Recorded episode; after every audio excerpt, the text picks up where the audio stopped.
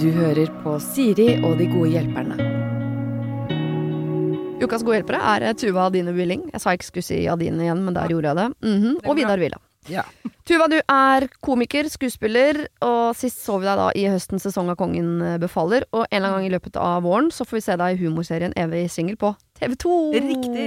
ja, nå har jeg gjort researchen sin. Ja. Eller leser hun rett fra et manus som noen andre har skrevet. Ikke sant? Umulig å vite. Vidar Villa, du er artist. Skal tilbake i uh, MGP-universet, eller sirkuset som mange kaller det, med låta Mer. Eller More, More, More, som jeg har oversatt den til. ja, kanskje. og skal jo være med i tredje delfinale 27. januar. Mm. Og eventuelt da i finalen en eller annen gang rundt 17. mai. Ja. Med låta More, More, More. Ja. Eh, tekst av Tuva og ja. ja, dere må jo krediteres Engelsk nå. oversettelse. Jeg Tuva og Dine Sirkusasen. Ja. Det tar vi når det nærmer Det seg. vi når det nærmer Ja. Nå skal vi løse eh, fem problemer, eller prøve i hvert fall så godt vi kan. Og vi begynner altså med et smykke. Kjære hjelpere, jeg har et dilemma. Fra eksen min som jeg var sammen med i nesten fem år, fikk jeg noen gullsmykker og et armebånd. Kan jeg bruke disse nå som jeg er i et nytt forhold? Snart vært sammen med nåværende kjæreste i to år, og ser for meg at spørsmålet kan komme. Hvem har du fått det der fra? Og hva gjør jeg da? Eh, Skal jeg selge dem? Eh, Kan jeg ta en hvit løgn?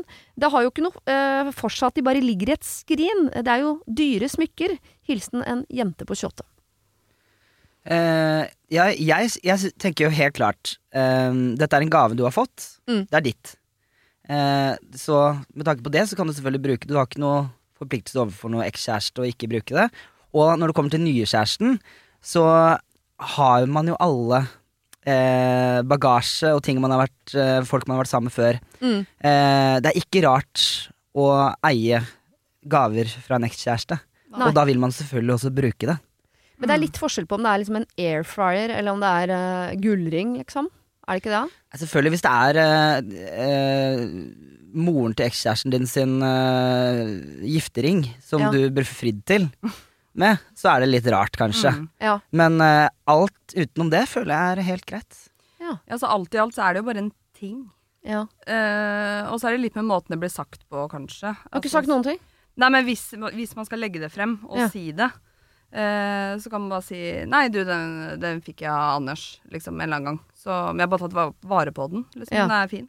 At man ikke legger så mye i det. Jeg vet, jeg vet ikke. Ja, så ikke alternativet liksom legge det fram nå ta en sånn uh, Knut. Som Ja. er mitt go to-navn. Jeg ikke vet hva folk heter. Ja. Eh, Knut, vi må snakke sammen. Jeg vil bare informere om at disse ringene fikk jeg av eksen. Ja. Da gjør man problemet større enn det. For da gir man det jo en eller annen ekstra verdi. Hvis man må ta en samtale rundt de smykkene, Ja, liksom. eller ikke samtale, men mer sånn eh, Man kan bare si det. Du, de ringene her er fra han, bare så du vet det. Så ikke du blir stressa over at uh, jeg bruker de og sånn. Jeg bruker de kun fordi jeg syns de er fine. Jeg har fått de en gave. Ja. Men Men jeg det- syns de er for fine til å bare ligge, liksom. Men det har gått to år, da, så den samtalen er litt rar å ta oh, ja, det nå. gått, ja, stemmer, det har gått to år, ja. Så det er hvis han stiller ja, sant det. Ja, ja. Jeg Han, jo han kommer jo ikke til å stille spørsmål, han driter jo det. Han jeg tror, driter han nok i det. de, ser, jeg tror ikke han ser de smykkene har engang. ikke har ikke sett de ærlig. ringene en eneste gang. Han har ikke lagt merke til det i det hele tatt. Hvis ikke han har sett det på to år, så tenker jeg da Tipper du kan klippe deg uten at den merker det. Ja. Eneste grunnen til å ikke bruke det, på en måte, er hvis, hvis jeg hadde gitt uh, Kari, Mhm.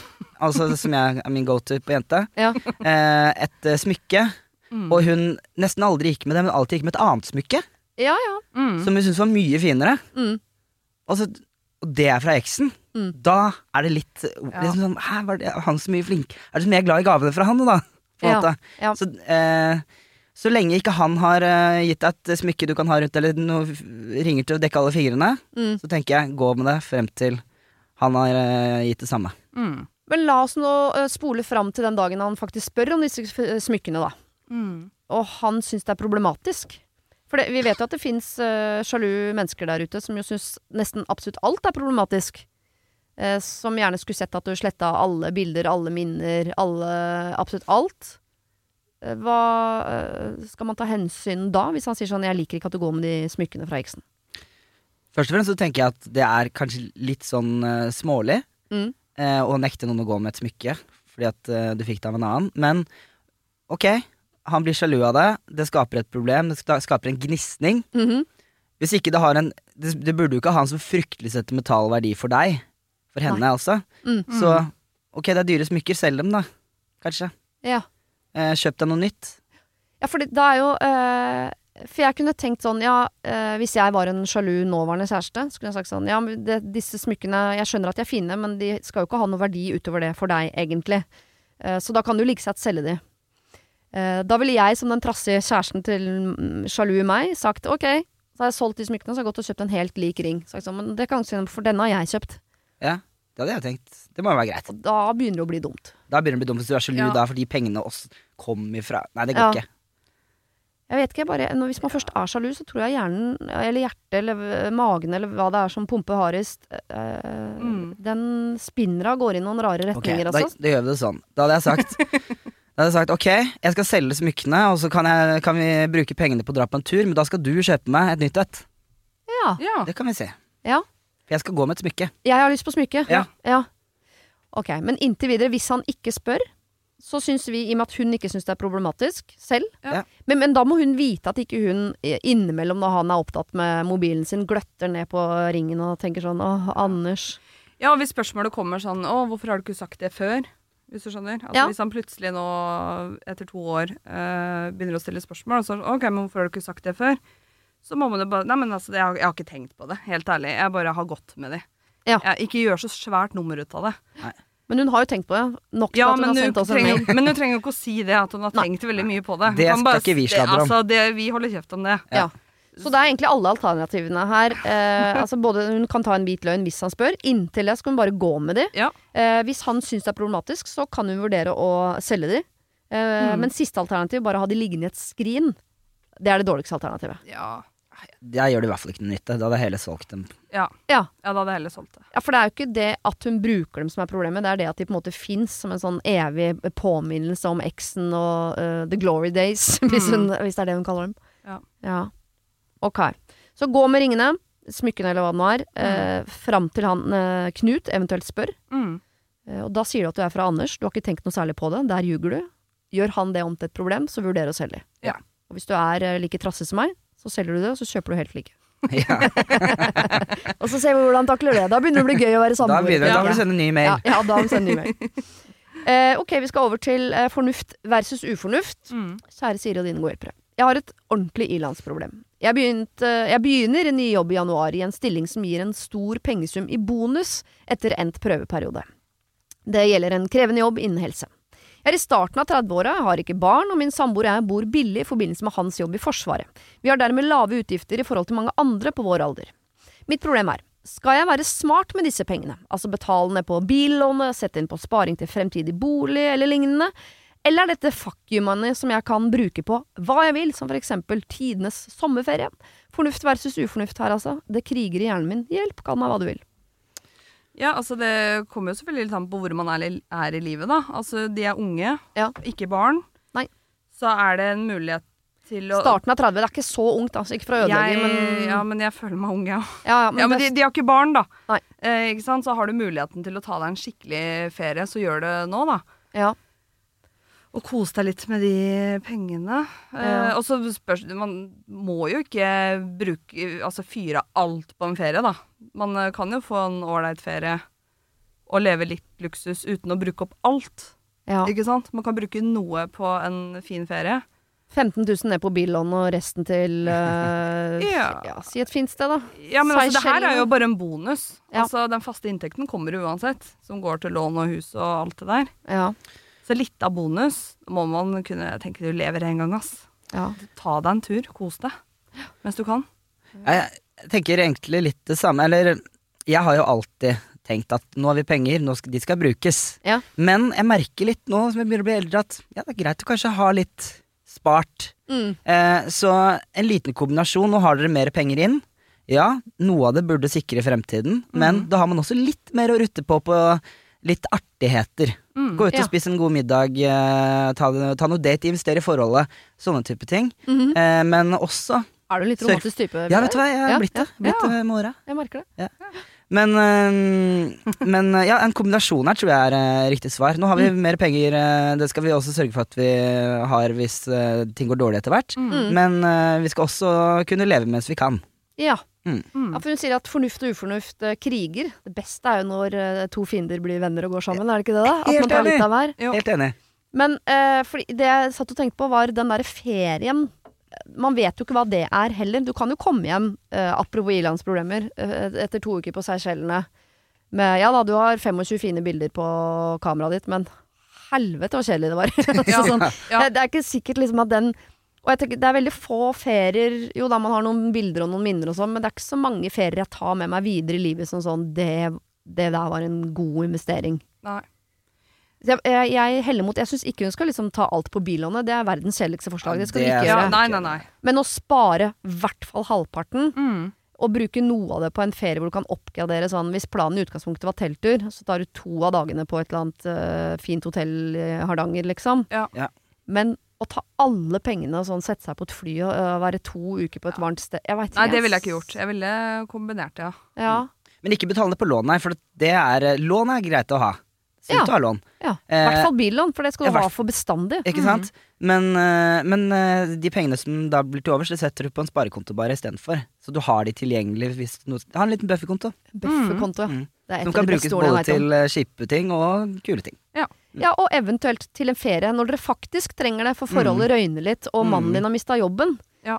Ikke sant? Og da tenker jeg sånn, nå har vi ikke penger til noen ting. Det er nå vi skal ta ut de 10 000, sånn at vi Mm. faktisk har råd til å ta en liten tur til eh, Danmark, om ikke annet. Mm. 100 Ja. Jeg, bare, jeg har eh, Sorry, nå outer jeg dere, men jeg har et vennepar som akkurat nå eh, ikke har sånn hurra på, på økonomifronten. Mm. Eh, men de siste tre gangene jeg har vært sammen med de, og det er mye snakk om sånn pengeproblemer og sånn, så dukker den samme historien opp, og det er den helga hvor hun tok opp, nei, hun tok opp studielån og lata som hun studerte, og så brukte hun alt på en sånn helg hvor de bare sjekka inn på dritdyrt hotell og drakk og spiste som om de var konger. Wow. Som er jo det mest ufornuftige du kan gjøre. Mm. Melde opp til X-Fill, ta studielån og blæste alt på The Hub, liksom. Den helga der. Men når hun nå sitter der nå med rekkehus og unger og bil og ikke en krone på konto, så Mm. er det nå den historien hun forteller, da. Og da har det en eller annen verdi. Ja. Ja, det er sant. Så hvis du klarer å kombinere eh, litt penger på konto med noe som kan liksom bringe noen minner i kassa Mm. Mm. Kielferie er bra, det òg. Ja. Det er er topp. Ja. Ah, ok, så ikke eh, fornuft eller ufornuft. Ja takk, begge deler. Mm. Ja. Denne uken har eh, Siri og De gode hjelperne et samarbeid med utstillingen The Mystery of Banksy, A Genius Mind. Den utstillingen kan du se på Økernsenteret i Oslo helt fram til 16. juni. Til eh, tross for at Banksy er verdens mest kjente gatekunstner, så er han samtidig også helt anonym. Det er ingen som vet hvem han er, og en av grunnene til det er at han er etterlyst for vandalisme. Kunsten hans er ikke på utstillingen, det er altså 200 reproduksjoner utført av andre gatekunstnere du kan se på Økernsenteret. Og siden han er så anonym og utilgjengelig, så er det også umulig å få en godkjenning av utstillingen av Banksy selv, men folka rundt Banksy, som kaller seg Pest Control, de gjør kontroller og sier ifra hvis det ikke er godkjent. Og det har de ikke gjort her, og utstillingen er derfor å anse som godkjent. Og jeg tenker at eh, Banksy høres ut som en litt sånn eh, kul fyr, selv om jeg vet jo ikke hvem han er. Jeg bare ser hva han skaper. Uh, og jeg merker at jeg, liksom bli, jeg blir nysgjerrig på han. Jeg husker en eh, tidligere sjef jeg hadde, eh, fortalte meg at Siri, eh, de som hører på deg på radio, de må enten ha lyst til å bli sammen med deg, eller så må de ha lyst til å være vennen din, eller i hvert fall gå på fest sammen med deg. Da lytter de. Jeg vet ikke om jeg har så veldig lyst til å bli kjæreste med Banksy, vanskelig å si, men det hadde definitivt vært veldig gøy å gå på fest med han eller ha han som venn, bare for å høre litt mer om hva som bor inni det kunstneriske hodet hans. Kjøp billetter til utstillingen på mystery-banksy.no. Her kan du også lese mer om utstillingen.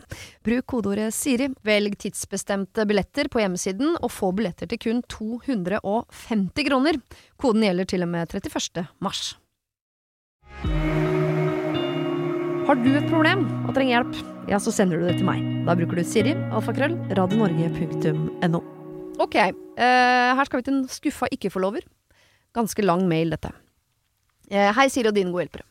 Jeg har to barndomsvenninner som jeg alltid har tenkt var naturlig å ha både som fadder og forlover en vakker dag. De har begge fått tre kids hver, og jeg ble ikke valgt som fadder på noen av disse. Seks muligheter der, altså. Jeg har eh, lengst historie med dem begge. Men de velger likevel hverandre og en annen venninne eh, som faddere. Jeg sa til hun ene at jeg er ganske skuffet over å aldri ha blitt valgt som fadder. Var usikker på om jeg burde si det, men jeg gjorde det til slutt. Etter det har hun ghosta meg. Så da har jeg blokkert henne da, etter antall forsøk på å ta kontakt over seks måneder pluss. Eh, hun har aldri sagt at det er pga. dette at hun har ghosta meg, men jeg har hørt det via via. Vi er 35 år gamle, og ghosting er for dumt. Det mener hun, da. Jeg er jo, heier jo på ghosting, for så vidt. Eh, nå skal denne andre venninnen gifte seg, og hun velger da denne venninna som ghosta meg, og hun tredje venninna som forlovere. Og jeg har alltid tenkt at jeg er en av hennes tre nærmeste venninner, og det har hun også sagt. Allikevel velger hun to av tre som forlovere. Hun her syns ingenting om at jeg sa fra til hun andre om at jeg ble skuffa over å ikke bli valgt som fadder. Jeg blir veldig usikker. Hun er min aller nærmeste barndomsvenninne. Vi har kjent hverandre siden vi var fem år. Jeg har riktignok bodd i en annen by etter videregående, og de tre andre her de har holdt seg eh, på landet, og de har unger på samme alder. Jeg er i en helt annen livssituasjon, jeg er singel, jeg har ikke barn. Men jeg blir oppriktig lei meg, jeg føler at relasjonen vår er null verdt. Er det greit å si fra om at jeg blir skuffa og lei meg? Det er jo litt risky når hun eh, har så sterke meninger om hva som er ok å si fra om og ikke. Akkurat nå har jeg veldig lite lyst til å gå i utdrikningslag i regi av en forlover som hater trynet mitt. Kan jeg stå over det? Jeg har alltid eh, Jeg har før alltid tenkt at jeg vil velge hun som er brud, som forlover. Eh, eh, og hun som har ghosta meg som forlovere den dagen jeg skal gifte meg. Men nå er det plutselig ingen av mine barndomsvenninner som blir naturlig å velge, og det syns jeg jo er litt trist. Jeg har andre gode venner, altså, og jeg skal heller ikke gifte meg med det første, men ja. Er det ok å si fra om at man er skuffet, eh, og er det ok å eventuelt stå over dette utdrikningslaget? Det virker jo som om de gir god faen i at jeg ønsker å bli valgt. Med vennlig hilsen Marit. Ja. Ja. Jeg svarte jo nei i stad på den at nei, man trenger ikke å si noe om det, men jeg hører historien nå. Mm. Hvor, altså, det er jo en smørje av eh, ting her, og info. Og i den situasjonen hennes så føler jeg at det er innafor å si ifra. For, den, eh, for jeg tenker i utgangspunktet så er det sånn man kan ikke gå og forvente at man skal bli forlover og Eller hvis noen får barn og 'Å, nå blir jeg sikkert fattig'. Man kan ikke gå og forvente det hele tiden. Nei. Eh, for det, det er bruden. Det får de velge selv. Eh, og noen tar litt utradisjonelle valg og sånn, så det, det kan man jo ikke si noe på. Men i den situasjonen her Mm. Fader, altså. Den er, eh, den er tricky, for det er litt sånn eh, Det er jo litt sånn trekantdrama.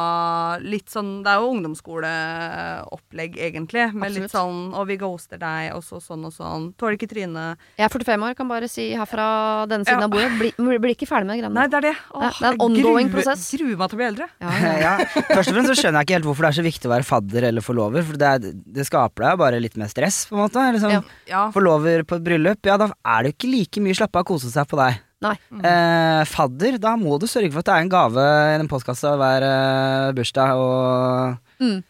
det er vel Men det er vel mer det utenforskapet hun kjenner på. At, eh, at eh, jeg, kan, jeg kan skjønne den også. ja, liksom. Først og fremst så høres de venninnene ganske kjipe ut, spør Ja. meg. Så det, Ja. Så hvorfor det er så viktig for deg å ville være fadder og forlover Mm. hos de, det skjønner jeg ikke. Jeg hadde ikke giddet å Jeg ville tatt litt avstand, jeg, for å Ja. være helt ærlig. Um, Men det, hadde du gått til utdrikningslaget? Jeg Der er sier aldri nei til et utviklingslag. Det gjør jeg ikke. Eh, men uh, Nei, jeg tror jeg ville kanskje ikke det. Nei. Jeg ville De virker så kjipe, de venninnene dine. mm, det Ja. høres jo ikke noe hyggelig ut. Nei, det høres ut som en eh, eh, Hvis de driver og ghoster deg og liksom sånn det hadde, Jeg hadde ikke følt meg så velkommen, kanskje.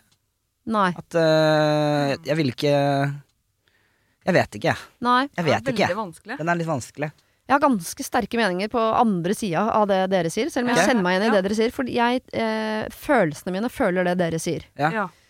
Og så, eh, selv om eh, jeg krangler med psykologer om dette, så mener jeg noen ganger så må følelsene få hvile, og så må hjernen få overta. Fordi Ja. hjernen er alltid smartere enn hjertet. Mm. Og her er det hjertet til Marit som sier at 'å, jeg vil si ifra'. Og som du sa i stad, Vidar, også, eh, så sa den om at eh, hvis man er gode nok venninner, så kan man snakke om alt. Mm. Eh, Da vil jeg sitere eh, kollega i morgenklubben der, eh, Kim, som sa Men hva får du ut av det, da? For det er noe med at hvis Marit nå Hva fikk hun ut av det sist? Hun sa fra til venninnen sin som ghosta Nei, hun sa fra til venninnen sin hvor hun ikke ble fadder. Mm. Ble ghosta, mista en venninne, rett og slett. Og det, jeg mener, det er kjipt. Sånn skal det ikke være. Den andre venninna backa ikke det heller. Hun sa ja, nei, jeg vet ikke helt hva jeg syns om at du sa fra om akkurat det greiene der. Og det, ja, det kan godt hende at hun har uflaks at to av hennes beste venninner er verdens kjipeste folk.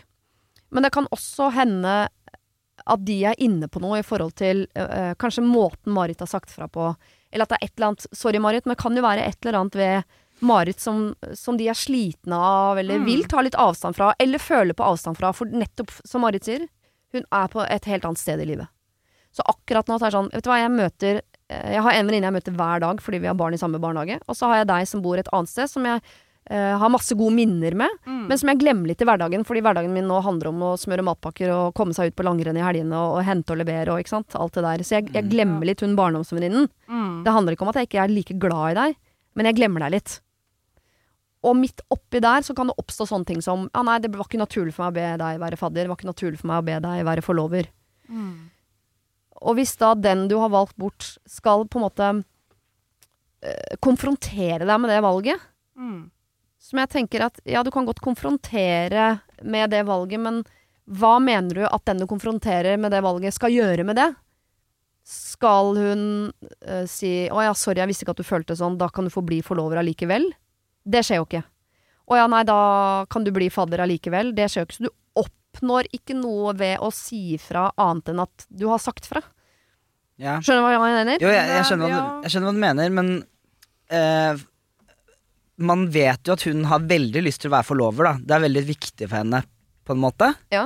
Eh, er det så farlig om hun også kan få liksom, Kan du ikke bare gi av den, da? På en måte, eller sånn. Eh, jeg, jeg visste ikke at det var så viktig for deg som du sier nå. Eh, da kan du selvfølgelig også være forlover. Jeg tenkte at det ikke var så viktig for deg. Eller Ja. Eh, det ville vært min, mitt svar her, hvis eh, en god kamerat eh, hadde kommet Mm. og sagt Du, jeg er skikkelig skuffa over at ikke jeg var forlover. Så bare, du, det tenkte ikke jeg at du kom til å bli. Hvis du har Eh, en kompis som ikke har tenkt på at du skal være forlover engang, da er jo du ikke naturlig forlovermateriale. Da skal du ikke være forlover, da. For det er jo, jeg mener det er eh, en del egoisme skal man legge til side når det kommer til bryllup, f.eks. på gjestelista og sånn. Inviter hun eh, fjerde også, som ikke er naturlig for deg, men du veit at hun blir lei seg hvis hun ikke blir Kom igjen, da, så dyrt er det ikke. Men akkurat på forlover, der er det lov å være egoist. Der skal du velge de du mener er aller nærmest deg. Mm. Du skal ikke velge de som du tenker at har mest lyst Nei. til å være altså- forloveren din, eller sånn. jeg, er, jo- jeg er egentlig veldig enig med deg. Og så annen hjertesak som er sånn Jeg, jeg bare tror det er veldig Det som gjør vennskap veldig vanskelig, er hvis man alltid i alle vennskapsrelasjoner må være enige om hvor man har hverandre. Eh, fordi eh, at jeg har en venninne som er eh, innerste sirkel for meg, men for henne så er jeg kanskje hennes andre sirkel, for hun har noen andre venninner som er enda nærmere enn meg. Skal jeg da straffe på en måte henne ved å dytte henne ut i min eh, Skjønner du litt hva jeg mener? At jeg, vi, vi klarer jo ikke å bli helt enige om Hvor vi står. Nei, jeg syns at vennskap Mm. også kan ha noe av den der gamle kurtiseringa som vi har med oss fra, liksom, fra uh, sjekke opp-bransjen, hvis du skjønner. At hvis jeg Mm. virkelig vil være din nærmeste venninne, Tuva, men Tuva, du vil ikke være min nærmeste venninne, Mm. så, så må jo jeg få lov til å fortsette å invitere deg og ha lyst til å være sammen med deg, selv om du kanskje noen ganger har mer lyst til å være sammen med noen andre. Jeg blir, kommer jo ikke noe nærmere Ja, deg ved å slutte å invitere deg også, fordi du inviterer ikke meg. Nei vel, da, da snakker vi avstand, da. Mm. Så jeg bare tenker hvis Marit nå Jeg tror Marit ved å si fra til venninnen sin om at hun er skuffet over å ikke være forlover, oppnår én ting, og det er mer avstand. Mm. Fordi det blir vanskelig for hun venninnen å ta imot det budskapet at hun skal bli liksom konfrontert med sine valg når det Mm. kommer til sitt bryllup og sine forlovere. Mm. Men at hun er Marit 100 forståelse for at hun er lei seg, og at hun på et eller annet tidspunkt kan snakke med Marit om sånn At hun føler på det utenforskapet og sånn. Men ikke opp mot et bryllup hvor hun egentlig ber om, ber om noe som man ikke kan be om. Skjønner du hva jeg mener? Ja, da, Ja. og det er Ja, det Ja. er kjempevanskelig. Ja, det er det. Er det. Men eh, sånn for hennes del, så hun bryr seg veldig mye om dette her og blir veldig lei seg, virker det som, av Ja. hele greia. At for sin, for, for, kanskje henne kan la være å si det, bare for å slippe å dytte noen lenger bort. Mm. Men, eh, men kanskje eh, være litt mer bevisst på hva som er situasjonen mellom dem. At, at det kanskje ikke er eh, Du er ikke hennes best nærmeste venninne, selv om at hun er din nærmeste ah, liksom, Og det må være greit. ja, Og det må være greit, ja. Ja. Eh, og bare være, være mer bevisst på det, og ikke forvente eh, at, at det er eh, like mye tilbake, på en måte. Nei. Og hvis hun er fornøyd med det, så er det jo greit, men hvis ikke, så kan jo heller hun også kanskje begynne å Jeg vet ikke. Ja, jeg, jeg tror på en måte hvis vi, hva, er det, hva er det Marit vil? Hun vil nærmere venninnen sin. Ja. Mm. Eh, og akkurat nå så er hun ikke så nærme som hun trodde eller skulle ønske. Mm. Hvis målet er å komme nærmere, så kan jo ikke du ta avstand for å straffe i håp om at de skal Det skjer ikke. Den dansen fins ikke. Den må vi slutte med. Så hvis Marit vil nærmere, så tenker jeg du må 100% gå i utringningslaget. Jeg mente mer sånn følelsesmessig. At ikke hun er så veldig investert eh, følelsesmessig i, i det her. At Ja. eh, Du skal ikke ta avstand fysisk, men, men eh, ikke sitt og bli skuffa og sint og lei deg på grunn av ting som det her, da. Helt enig. Jobb litt med liksom å ikke Mm. bli så emosjonelt preget over hvor du er i hennes system. Mm. Men jeg tenker at Mari skal kose seg med at hun tenker at det der er min gode venninne. Ja. Eh, og hvis det er sånn at når hun skal gifte seg en dag, har lyst til å ha henne som forlover, Mm. så skal jeg, eh, min forloveren i mitt bryllup øh, var allerede gift og hadde ikke meg som forlover i sitt bryllup. Men det har ikke noe å si. Jeg ville ha henne som forlover. Ja. Det er jo ikke en vennetjeneste eller Ja. altså, må bare tenke, Hvis du, Marit, vil ha henne som forloveren din, Mm. så ber du om det den dagen det er naturlig. Ja. Men ikke la være for du tenker sånn Ja, men jeg fikk ikke Og ikke la være å gå i utdrikningslaget fordi Hva oppnår du da? da? Da har du jo enda mer avstand til hun venninnen du allerede er lei deg for at du har avstand til. Ja, Mm. vet du hva? Jeg er ja, helt- vet du hva? vi er Da, ja, men da, da holder Jeg jeg, på er- den og ikke sier fra, jeg. Ja. Som jeg hadde først. Ja, og selv om det, det sitter jo langt inn, for man skal jo egentlig kunne snakke med alle om alt. Ja, og nærme ja. venninne og la de da det. Og en eller annen dag så tenker jeg at du kan snakke med venninnene dine om at du Hva skjedde?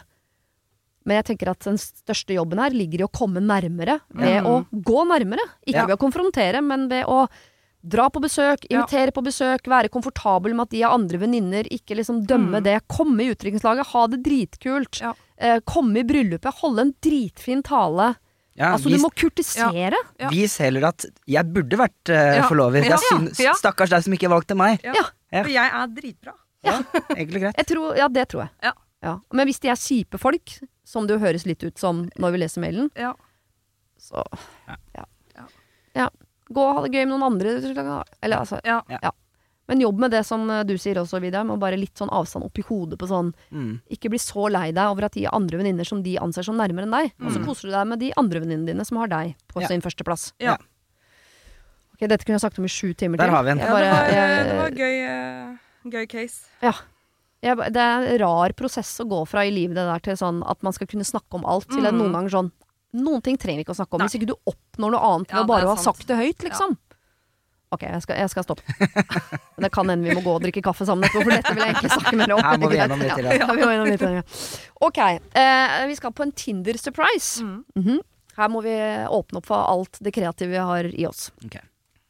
Kjære Siri og dine gode hjelpere. Jeg er en jente i midten av 20-åra som har skrevet mye med en fyr på Tinder. Samtalen startet med at vi latet som om vi skulle gifte oss i Las Vegas, men fordi jeg mista flyet, så skulle jeg gjøre opp for meg ved å gi han en overraskelse neste gang vi møtes. Altså alt fram til nå er fiktivt. Det skjønner Mm. dere. Mhm. Eh, Vi har aldri møtt hverandre eh, før, og store deler av samtalen har handlet seg om denne overraskelsen. Han har spurt mye eh, om denne overraskelsen, og jeg har beskrevet den som helt vill, og at det kommer til å være den beste overraskelsen han noensinne kommer til å få. Eh, det er en leken tone i samtalen, og jeg syns det er gøy, men jeg forstår også at det kanskje blir lagt opp til en forventning til at det eh, kommer til å skje noe som jeg ikke er så gira på å gjøre på første date. Jeg trenger derfor hjelp med å brainstorme ideer til en overraskelse jeg kan gi han, som er vill og helt sykt bra, og som kan skape god stemning for daten. Med vennlig hilsen Tinder-Tine. Hvor lenge hadde de snakka på Tinder? Eh, nei, Nei. Nei. Oi, oi, oi. men det er eh, Vi må eh, Jeg tror når hun sier eh, noe hun ikke er gira på å gjøre på første date, så skjønner vi jo litt hva hun Mm, snakker om.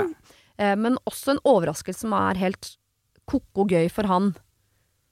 Som høres ut som potensielt verdens verste Tinder-date, spør du meg. Så er det sånn, wow, vi skal Å, opp i ballong og ut i men, ja. Ja. Jeg kjenner jeg blir svett. Ja. Har dere noe erfaring med Tinder, hvis det er lov å spørre om det? Vært på noe Jeg har vært på Tinder-date, men det er lenge siden. Ja.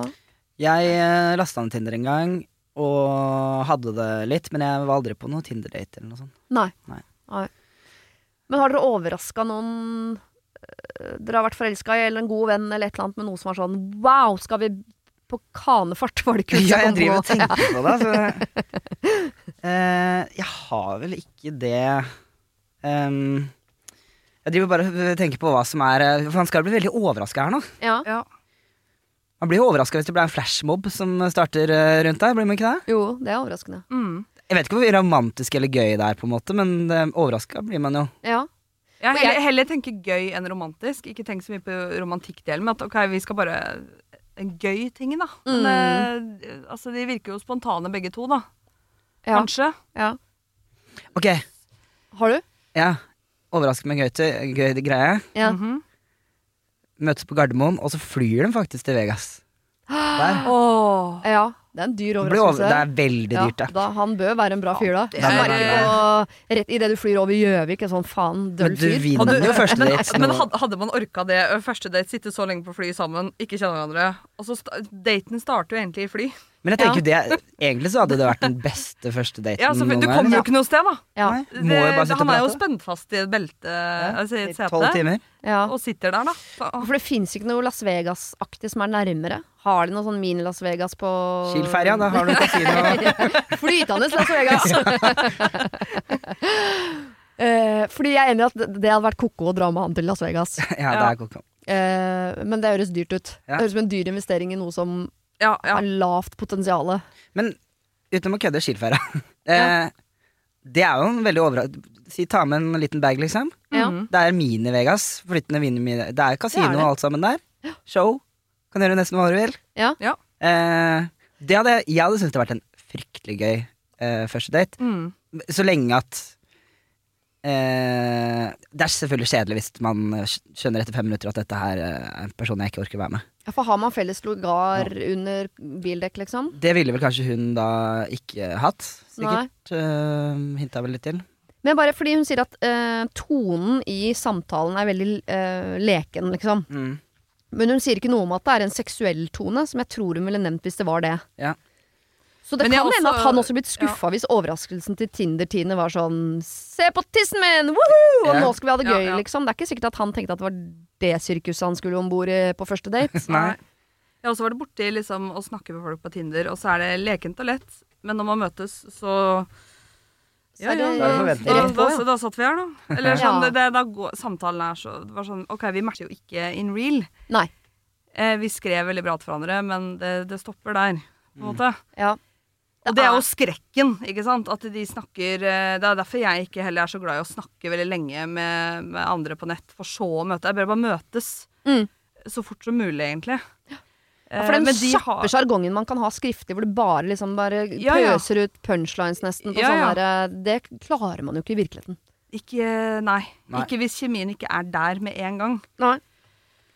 Eh, så men, Det det, men du får jo litt drahjelp i den uh, Kiel-ferja, da. Som du Ja. sier, det skjer jo litt ting der. Så greit, hvis det er litt kleint og litt sånn, eh, så er det sånn Ja ja, men det er jo litt ting Det er litt show og litt sånn som kan lette stemninga, da. Ja, er jo hvis ting er litt kleint. da. Jo, Mm. men allikevel så skjer det litt Det skjer jo litt ting på den ferja Ja. Ja.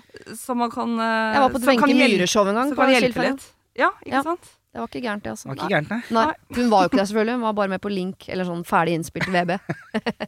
Hologram. Ja.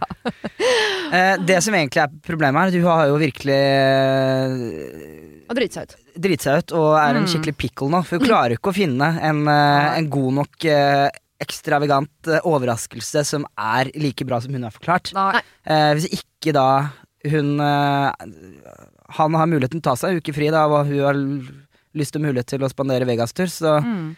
så er det veldig få ting som på en måte topper det hun har eh, solgt inn. Ja. Um, Men er Tinder-Tom, som vi kaller han, litt dum hvis han tror at Tinder-Tine har øh, den sinnssyke riggen og bare har tatt opp forbrukslån og brukt 15 000 på en date på en fyr hun aldri har møtt? Nei, jeg tror ikke han forventer det heller. Så det er jo snakk om at det er noe litt, det, noe litt corny og artig som skjer her. Men jeg, jeg klarer ikke å komme på noe som er corny og artig som går inn i den boksen hun har solgt inn. Mm. Nei, for corny og artig første date er jo ofte de forslagene man får der sånn eh, Ikke gå på kino og kafé, gjør noe Gå en tur, liksom. Mm. Mm. Som jo Det tror jeg Det er ikke liksom Han faller ikke av stolen da. Nei, han Nei. gjør ikke det, altså. Nei. Nei, det er for kjedelig. Og det er ikke sånn Hva om dere går og spiller shuffleboard, da? Nei, Ja, nei, nei. nei. Um, Det må, vi må forbi det. Hadde du hatt en onkel som uh, spilte i et eh, kjent band, som han kunne komme backstage, hadde vært en fin sånn første. Mm. Men det, da er det litt avhengig av hvem hun kjenner, da. Men den burde jo også representere Tine. For hvis hun, jeg ser meg, Du kan jo dra på sånn Det fins jo sånn rodeo-steder hvor det er mye utrykningslag og sånn. Hvor du kan sitte på sånn okse og kan slå hverandre i hjel med sånne svære q-tips og sånn. Ja. Skjønner du hva jeg mener? Noe sånn er kanskje Kunne jo vært gøy, men hvis Mm. Tinder-Tine egentlig er en person som er sånn Er mest glad i å plukke kantarell og høre på Enja, gamle Enja-CD-er, så er det dumt å dra på en første date som er helt Texas. Hun ligger er dårlig an, hun kantarellplukking Tinder-Tine derfra nå, ut, altså. liksom. Ja. Det er litt farlig å selge seg for hardt ut. Ja. Kan hun Eller dra på escape room, da. Å, for faen, det er kjedelig. Er det Hæ, er det ja, eh, er, er det det? Ja, For det er ikke ekte! Det hadde vært gøy hvis jeg visste sånn Hvis jeg ikke Ja. kom meg ut herfra, så dauer jeg. Da er det gøy. Ja, jo, selvfølgelig. Så er det sånn, Da bare banker jeg på den der Respatex-plata her, så kommer det noen dude på 18 år og låser meg ut. Så er det ikke noe Det er ikke samme spenninga. Nei, det er ikke det, altså. Du vil ha en ekte, ekte morder etter deg? Liksom. 100%. Ja, ja, jeg skjønner.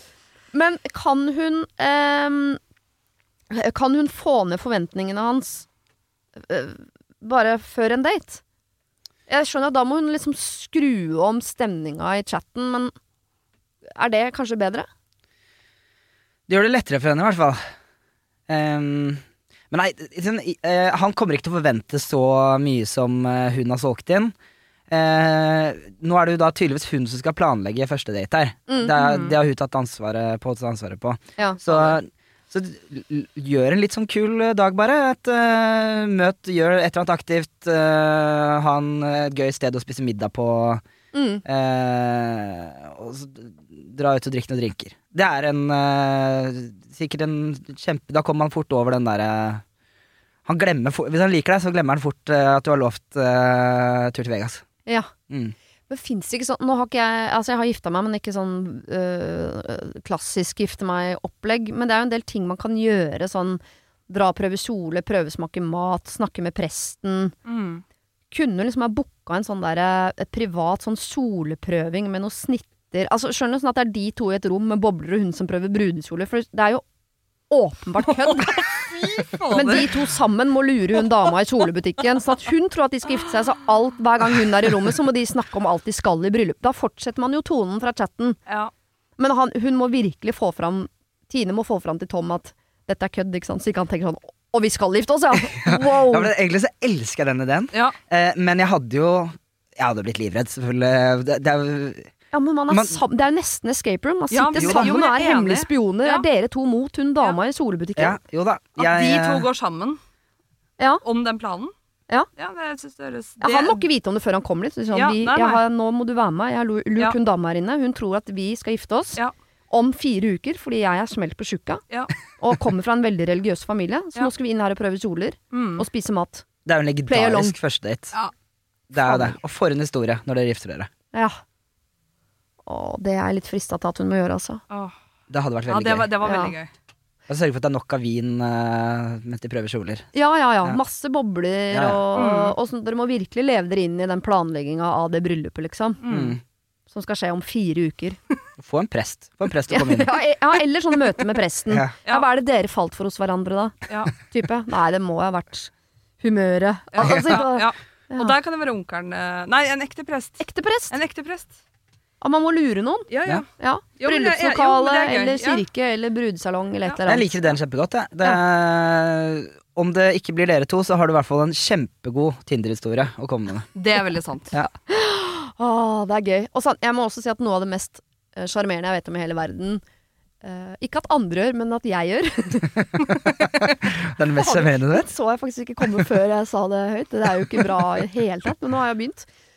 Jeg liker jo å øh, Hvis man har ljuget om noe, da, eller skrytt på seg noe, og så måtte tilstå, da føler jeg meg veldig, veldig søt. Uh, uh, jeg liker den prosessen av det, så jeg tror også jeg kunne her ha likt sånn Så jeg vet at jeg har lovt deg den sinnssyke overraskelsen og det Las Vegas-greiene sånn, men jeg må bare tilstå at jeg- har ikke en. Kan vi bare Jeg aner ikke. At man at man tar hull på hele den sinnssyke greia man har bygd opp, og så er man helt sånn ærlig og litt søt på sånn Jeg har ikke en eneste idé. Jeg tenker bowling, liksom. Hva, altså Ja. Kanskje Det- han faller for det. Det er noe veldig sjarmerende med det òg. Jeg er enig i det. Det er en veldig søt uh, greie. Ja. Fin start. Mm. Mm. Så da har du to alternativer. Du kan gå all Ja. in, Mhm. sånn som du har solgt inn. Eller så kan du kjøre den litt mer søte approachen at ja, hva skal det være, på en måte, da? Herregud, jeg, jeg vet ikke. Nå har vi hele Oslo foran oss, Ja. eh, foran våre føtter. Vi kan gjøre hva vi vil. Jeg tenker bowling eller uh, brudekjoleprøving. Ja. Hva vil du? Hva vil du? Ja, Ja. La han velge. la La han han velge. velge. Ok. Denne uken har eh, Siri og De gode hjelperne et samarbeid med utstillingen The Mystery of Banksy, A Genius Mind. Den utstillingen kan du se på Økernsenteret i Oslo helt fram til 16. juni. Til eh, tross for at Banksy er verdens mest kjente gatekunstner, så er han samtidig også helt anonym. Det er ingen som vet hvem han er, og en av grunnene til det er at han er etterlyst for vandalisme. Kunsten hans er ikke på utstillingen, det er altså 200 reproduksjoner utført av andre gatekunstnere du kan se på Økernsenteret. Og siden han er så anonym og utilgjengelig, så er det også umulig å få en godkjenning av utstillingen av Banksy selv, men folka rundt Banksy, som kaller seg Pest Control, de gjør kontroller og sier ifra hvis det ikke er godkjent. Og det har de ikke gjort her, og utstillingen er derfor å anse som godkjent. Og jeg tenker at uh, Banksy høres ut som en litt sånn uh, kul fyr, selv om jeg vet jo ikke hvem han er. Jeg bare ser hva han skaper. Uh, og jeg merker at jeg, liksom blir, jeg blir nysgjerrig på han. Jeg husker en tidligere sjef jeg hadde, fortalte meg at Siri, de som hører på deg på radio, de må enten ha lyst til å bli sammen med deg, eller så må de ha lyst til å være vennen din, eller i hvert fall gå på fest sammen med deg. Da lytter de. Uh, jeg vet ikke om jeg har så veldig lyst til å bli kjæreste med Banksy, vanskelig å si, men uh, det hadde definitivt vært veldig gøy å gå på fest med han eller ha han som venn, bare for å høre litt mer om uh, hva som bor inni det kunstneriske hodet hans. Kjøp billetter til utstillingen på mystery-banksy.no. Her kan du også lese mer om utstillingen. Bruk kodeordet Siri, velg tidsbestemte billetter på hjemmesiden, og få billetter til kun 250 kroner. Koden gjelder til og med 31. mars. Har du et problem og trenger hjelp, ja, så sender du det til meg. Da bruker du Siri, alfakrøll, radionorge.no. Vi skal eh, til slutt eh, ta tak i en eh, fyr her, en mann på 28 eh, år, som har litt panikk. Ok. okay. Eh, jeg har datet en utrolig fin jente i en måneds tid, før det tok brått slutt for to uker siden på SMS. En morgen sendte hun meg en ganske lang SMS. Se vedlegg han har lagt ved denne lange SMS-en. Eh, og hun spurte om jeg var åpen for at det kunne utvikle seg til noe mer seriøst mellom oss, samtidig som hun presiserte at hun ikke ville rushe inn i noe. Jeg fikk litt panikk, og svarte at jeg ikke hadde utviklet romantiske følelser for henne enda. Vi har ikke pratet siden. Sannheten er at jeg liker henne kjempegodt. Vi har bare møttes fem ganger, men ting har gått relativt fort, og de siste tre gangene har vi også overnattet hos hverandre. Jeg har blitt veldig glad i henne, men jeg vet bare ikke om jeg føler meg forelsket. Sannheten er også at jeg har gått rundt med en klump i magen som har vokst seg bitte litt større hver gang jeg har følt at hun har blitt mer interessert i meg enn hva jeg har rukket å bli i henne. Vi har tatt like mye initiativ til å møtes, og det føles bra når vi er sammen, men når vi ikke er sammen, er hun mye mer på enn meg, og det eh, kommer til å, å, tekste og sende morsomme meldinger, og, som jo burde være hyggelig, men jeg blir også litt lei meg fordi eh, jeg blir redd for at det er litt ubalanse i forholdet, på en måte. Den siste Vi må snakke om oss-SMS-en eh, fikk på en måte begeret til å renne over. Nå har det gått to uker, og jeg klarer ikke å slutte å tenke på henne. Samtidig er jeg livredd for å ta opp kontakten igjen, uh, bare for å finne ut at magefølelsen faktisk var riktig, og så i verste fall måtte såre henne på nytt. Så det jeg lurer på er, skal jeg ta opp kontakten igjen, eller skal jeg bare prøve å glemme henne? Alle råd mottas med stor takk, kall meg hva som helst, eller Peter. Han er 28, og hun er 23. Folk er flinke med å sende inn uh, Ja, gode dilemmaer. Ja. For noen caser. Ja. Eh, ja, nei eh, Det høres jo veldig ut som at han eh, liker henne, han sier jo det. Eh, og for noen så tar det jo bare litt lengre tid å forelske seg. Man må lære å kjenne hverandre godt før det, de følelsene kommer. Mm. Så jeg føler at eh, Dette høres jo veldig eh, ekte og bra ut, syns jeg. Ja. Eh, Så han burde ta kontakt han burde ta kontakt igjen, ja. Ja, Jeg tror jeg svarte nei på det tidligere når vi Ja. På lynrunden? På lynrunden, Jeg husker ikke hva jeg svarte. Men Du svarte ja. eh, jeg svarte ja. Det var eneste gang dere var uenige. Ja, stemmer, Ja. stemmer det. Ja. Mm. Men eh, ja, jeg skifta på den. Mm. Um, jeg syns absolutt burde ta kontakt. Og så kanskje han Han svarte kanskje litt uh, kort og skinkig på første gang når hun sendte den meldingen. Mm. At uh, Der følte hun seg avvist. Hun følte seg avvist, ikke Ja. sant? Mm. Uh, og han mente det vel egentlig ikke sånn? Sånn som jeg skjønte det? Eller han Nei, samtidig som han, han har jo hele tiden kjent litt på denne panikken for at hun ligger foran han i løypa. Men, så Men har- igjen, når vi er tilbake til det vi snakket om på vennskap i stad, som er Ja. egentlig det eneste jeg vil snakke om, ja. eh, som handler om at hvis ikke man er på samme sted eller har akkurat de samme følelsene for hverandre, så kan man ikke være venner eller kjærester eller fortsette å date eller Det mener jeg er feil. Ja. Mm. Det må være liksom Vi må ikke være så stolte at ikke vi tør at den ene er mer interessert enn den andre. Nei. Altså Egentlig så har vi jo egentlig svaret på det her eh, fra tidligere spørsmål. At, eh, at, eh, at han, han burde egentlig bare si akkurat det. At ting kanskje tar litt lengre tid for meg, men jeg liker deg kjempegodt og har lyst til å fortsette. Ja. Bare så enkelt. Men for, det som jo gjør problemet vanskelig her, er jo det som er veldig fint at Peter adresserer. Han kan jo potensielt såre henne på nytt. For hun er jo såra nå. Hun sendte en veldig åpen melding. Hvor vil du med dette? Han lukket det, på en måte. Hun følte seg avvist, har ikke tatt kontakt siden. Så potensielt så åpner han opp et sår bare for å helle litt mer salt i det. Ja, Men er ikke det det som er å date, da? Er Man det, kjærligheten er jo ikke enkel. Nei. Men hun skrev jo det at hun ikke ville rushe. Var det hun som skrev det? Ja, men det er sånn man skriver, fordi man Jo. vet at man ikke skal skremme gutten. ja. Ja, jo jo, men uh, hun har nå skrevet det. Ja, Det tror ikke jeg noe på. Ja, nei, Hun vil rushe det, eh, nei, men uh, ja, ja, som Vidar sier, altså snakke om det. Sånn, det er jo en helt vanlig datingsituasjon, egentlig. Ja, Sånn, plutselig er det jo en som liker den andre litt bedre. Sånn er det jo når man dater. Det er vel aldri i verdenshistorien at man har likt hverandre like mye. Nei, det tror jeg er sjeldent. At man uh, dater noen og så har begge sommerfugler og er lykkelige med en gang, begge to, på likt. Nei. Det skjer jo veldig sjeldent. Ja. Men, vi, men uh, jeg svarte jo ja i stad på å ta kontakt, og det er jo fordi det er jo en liten tvil i han. Det virker jo som han har lyst, han har lyst til å teste ut det her. Han er, har jo blitt glad i henne. Mm. Er det litt Sorry, jeg har bare lyst til å spørre Er det litt sånn amerika... Det er nytt for meg. Kanskje det har skjedd ting uh, siden jeg data for uh, 20 år siden. Men eh, for han skriver jeg har, blitt veldig, jeg, jeg har blitt veldig glad i henne, men jeg vet bare ikke om jeg føler meg forelsket. Den rekkefølgen på ting som virker som er gjengs i amerikanske filmer. Mm. Blitt veldig glad i I love you, kan de jo si ganske tidlig, men I'm not in love. Ja. Altså, altså man er ikke forelsket, men veldig glad i. For meg er det eh, veldig rar rekkefølge. Man blir jo forelsket med en gang! Ja, det, det Og så blir man kanskje glad i det etter hvert. Mm, men jeg tror ikke det er for alle.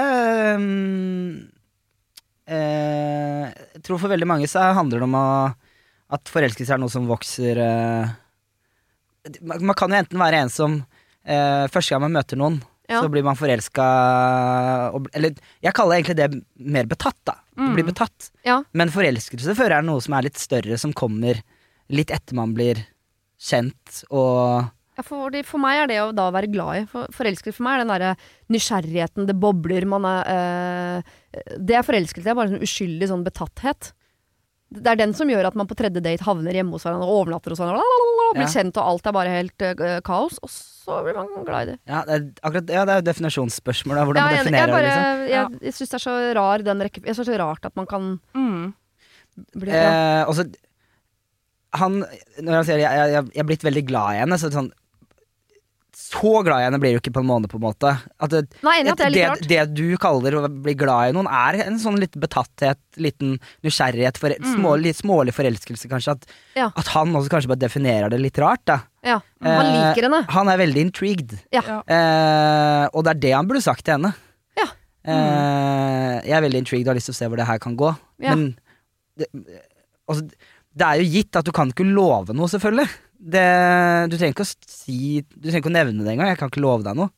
Det er jo på en måte Nei, og, jeg tenker han kan være ganske åpen eh, mot henne i en tekstmelding, til og med. Mm. Ja. Eh, fordi hun har vært såpass, såpass åpen med han i en Mm. tekstmelding at han kan skrive sånn 'Nå har det gått Jeg mener han kan ta kontakt på SMS. Ja, enig. Nå har det gått to uker. Jeg klarer ikke å slutte å tenke på deg.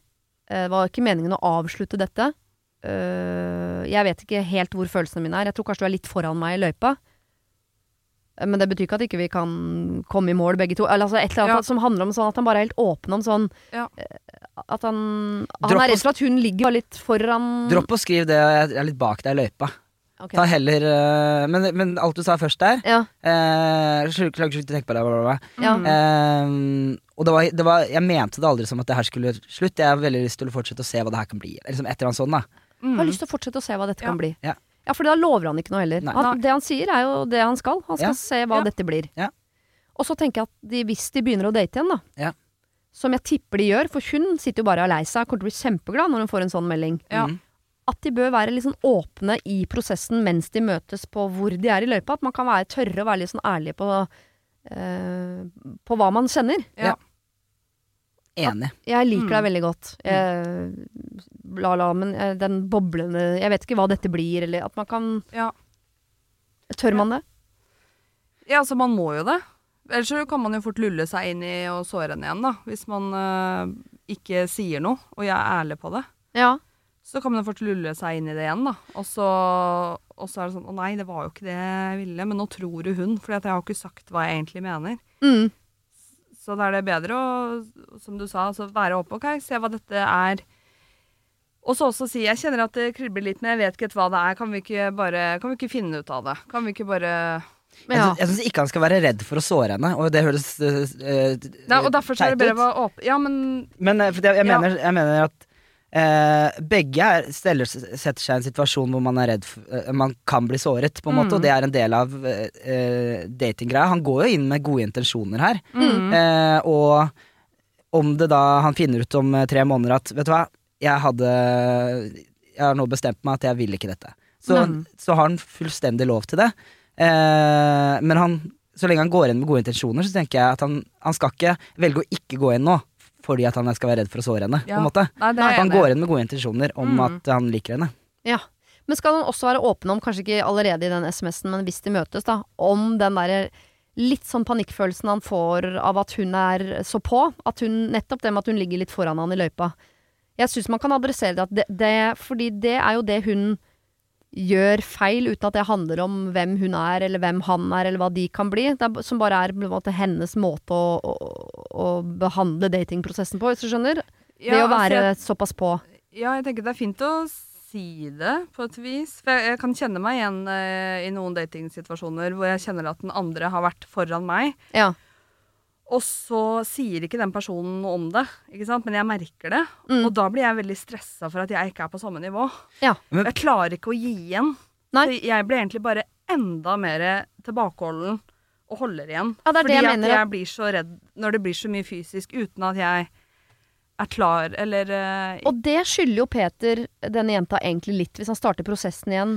mm. Å være mer ærlig på Fordi det er jo det når man sitter igjen de gangene Hvis man har blitt dumpa, så tror jeg man sitter igjen med veldig sånn Hva gjorde jeg galt? Ja. Og det hun på en måte gjorde galt, hvis man kan kalle det det her, eller som Peter ikke likte så godt, Mm. var jo nettopp det å ligge litt sånn foran, som ble masete for han, så han fikk litt panikk. Ja, for det, Mm. det som er, gjør at hun blir veldig på, tror jeg, er jo også det at hun er usikker på hva han Ja. mener om dette her, så du Ja. søker eh, Det er det, confirmation. du. Mm. Så, så bare i en veldig tidlig start her, hvis han fyrer det i gang igjen, er å bare si noe så enkelt som at uh, uh, Bare så du vet jeg liker deg veldig godt, men det tar litt tid for meg. Ja. Jeg, jeg, må, Mm. jeg kan ikke rushe det, på en måte. Det, eh, det- ja, det tar litt tid for meg å, å, å binde meg Mm. helt. Og så kan han jo gi henne noe bekreftelser underveis på de faktisk Ja. tingene han liker ved henne, sånn at hun kanskje Ja. får bekreftelse nok til at hun ikke føler Mm. at hun må mase etter mer, da. Ja. Eh, men ja, eh, da er vi enige om at han så kan jo hun kjenne litt på kroppsspråket hans òg. Hvis det er alltid hun som tar inch til å ta hånda, Ja. og du aldri får den tilbake, så kanskje vent litt, for da er ikke han helt på samme sted. Så vent til at han tar hånda hennes, da. Eller altså gi litt rom for at han kan få lov. Ja. Når han kjenner at det er riktig at ok, nå føltes det naturlig å ta hånda hennes. Mm. Og det er jo en kjempestor bekreftelse på henne på ok, nå han nå Nå tør han han, det. Liksom, Nå tør han å teste å ta hånda med. Ja. At ikke hun alltid tar det ansvaret. Mm. At, øh, jeg vet ikke om det er noe bra tips. Men, Nei, jo, absolutt. Jeg tror ikke bare at Peter han skal ta opp kontakten. Mm. Han skal ikke liksom være redd for at nei, jeg kan såre henne igjen. Det er jo en del av datingopplegget på mange Mm. måter. Uh, men at han i større grad denne runden, hvis det blir en runde to, Mm. kan være litt mer sånn åpen underveis. Sånn at ikke hun må sende en kjempe-SMS hvor hun uh, letter sitt hjerte og spør hva han føler, og så får han panikk, og så er det ikke noe mer kommunikasjon. Det er jo, Mm. uh, hun må få slippe å be om det en gang til. Ja. Så hvis han i runde to merker sånn åh, nå er jeg usikker igjen, altså. Mm. Så si det før hun må spørre om det. Mm. Så ligger du litt foran i løypa sånn kommunikasjonsmessig, og hun følelsesmessig. Ja. Ok, lykke til. Håper det blir dere to. Håper dere blir et uh, dørskilt. Eh, Peter og Vidar og Tuva. ja, som Vidar og Tuva. Peter og hva hadde vært fint ved siden av Peter, da? Peter og Jeg syns Tuva er fint der òg. Veldig ja. Ja, men det er Peter og Tuva. åpen for Peter òg. Tusen takk. eh, Nå må jeg se på Tuva når jeg sier Tuva, og vi, nå så jeg på Vidar. Dere har blitt det samme mennesket med meg. da. Ja. Uh, lykke til med Grand Prix. Eh, lykke til med uh, Evig singel på TV 2. Ja, uh, så håper jeg jeg ser dere som hjelpere en annen gang også. Det var det. Husk å sende problem til siri.radionorge.no om du vil ha hjelp. Denne podkasten er produsert av Klynge for Podplay.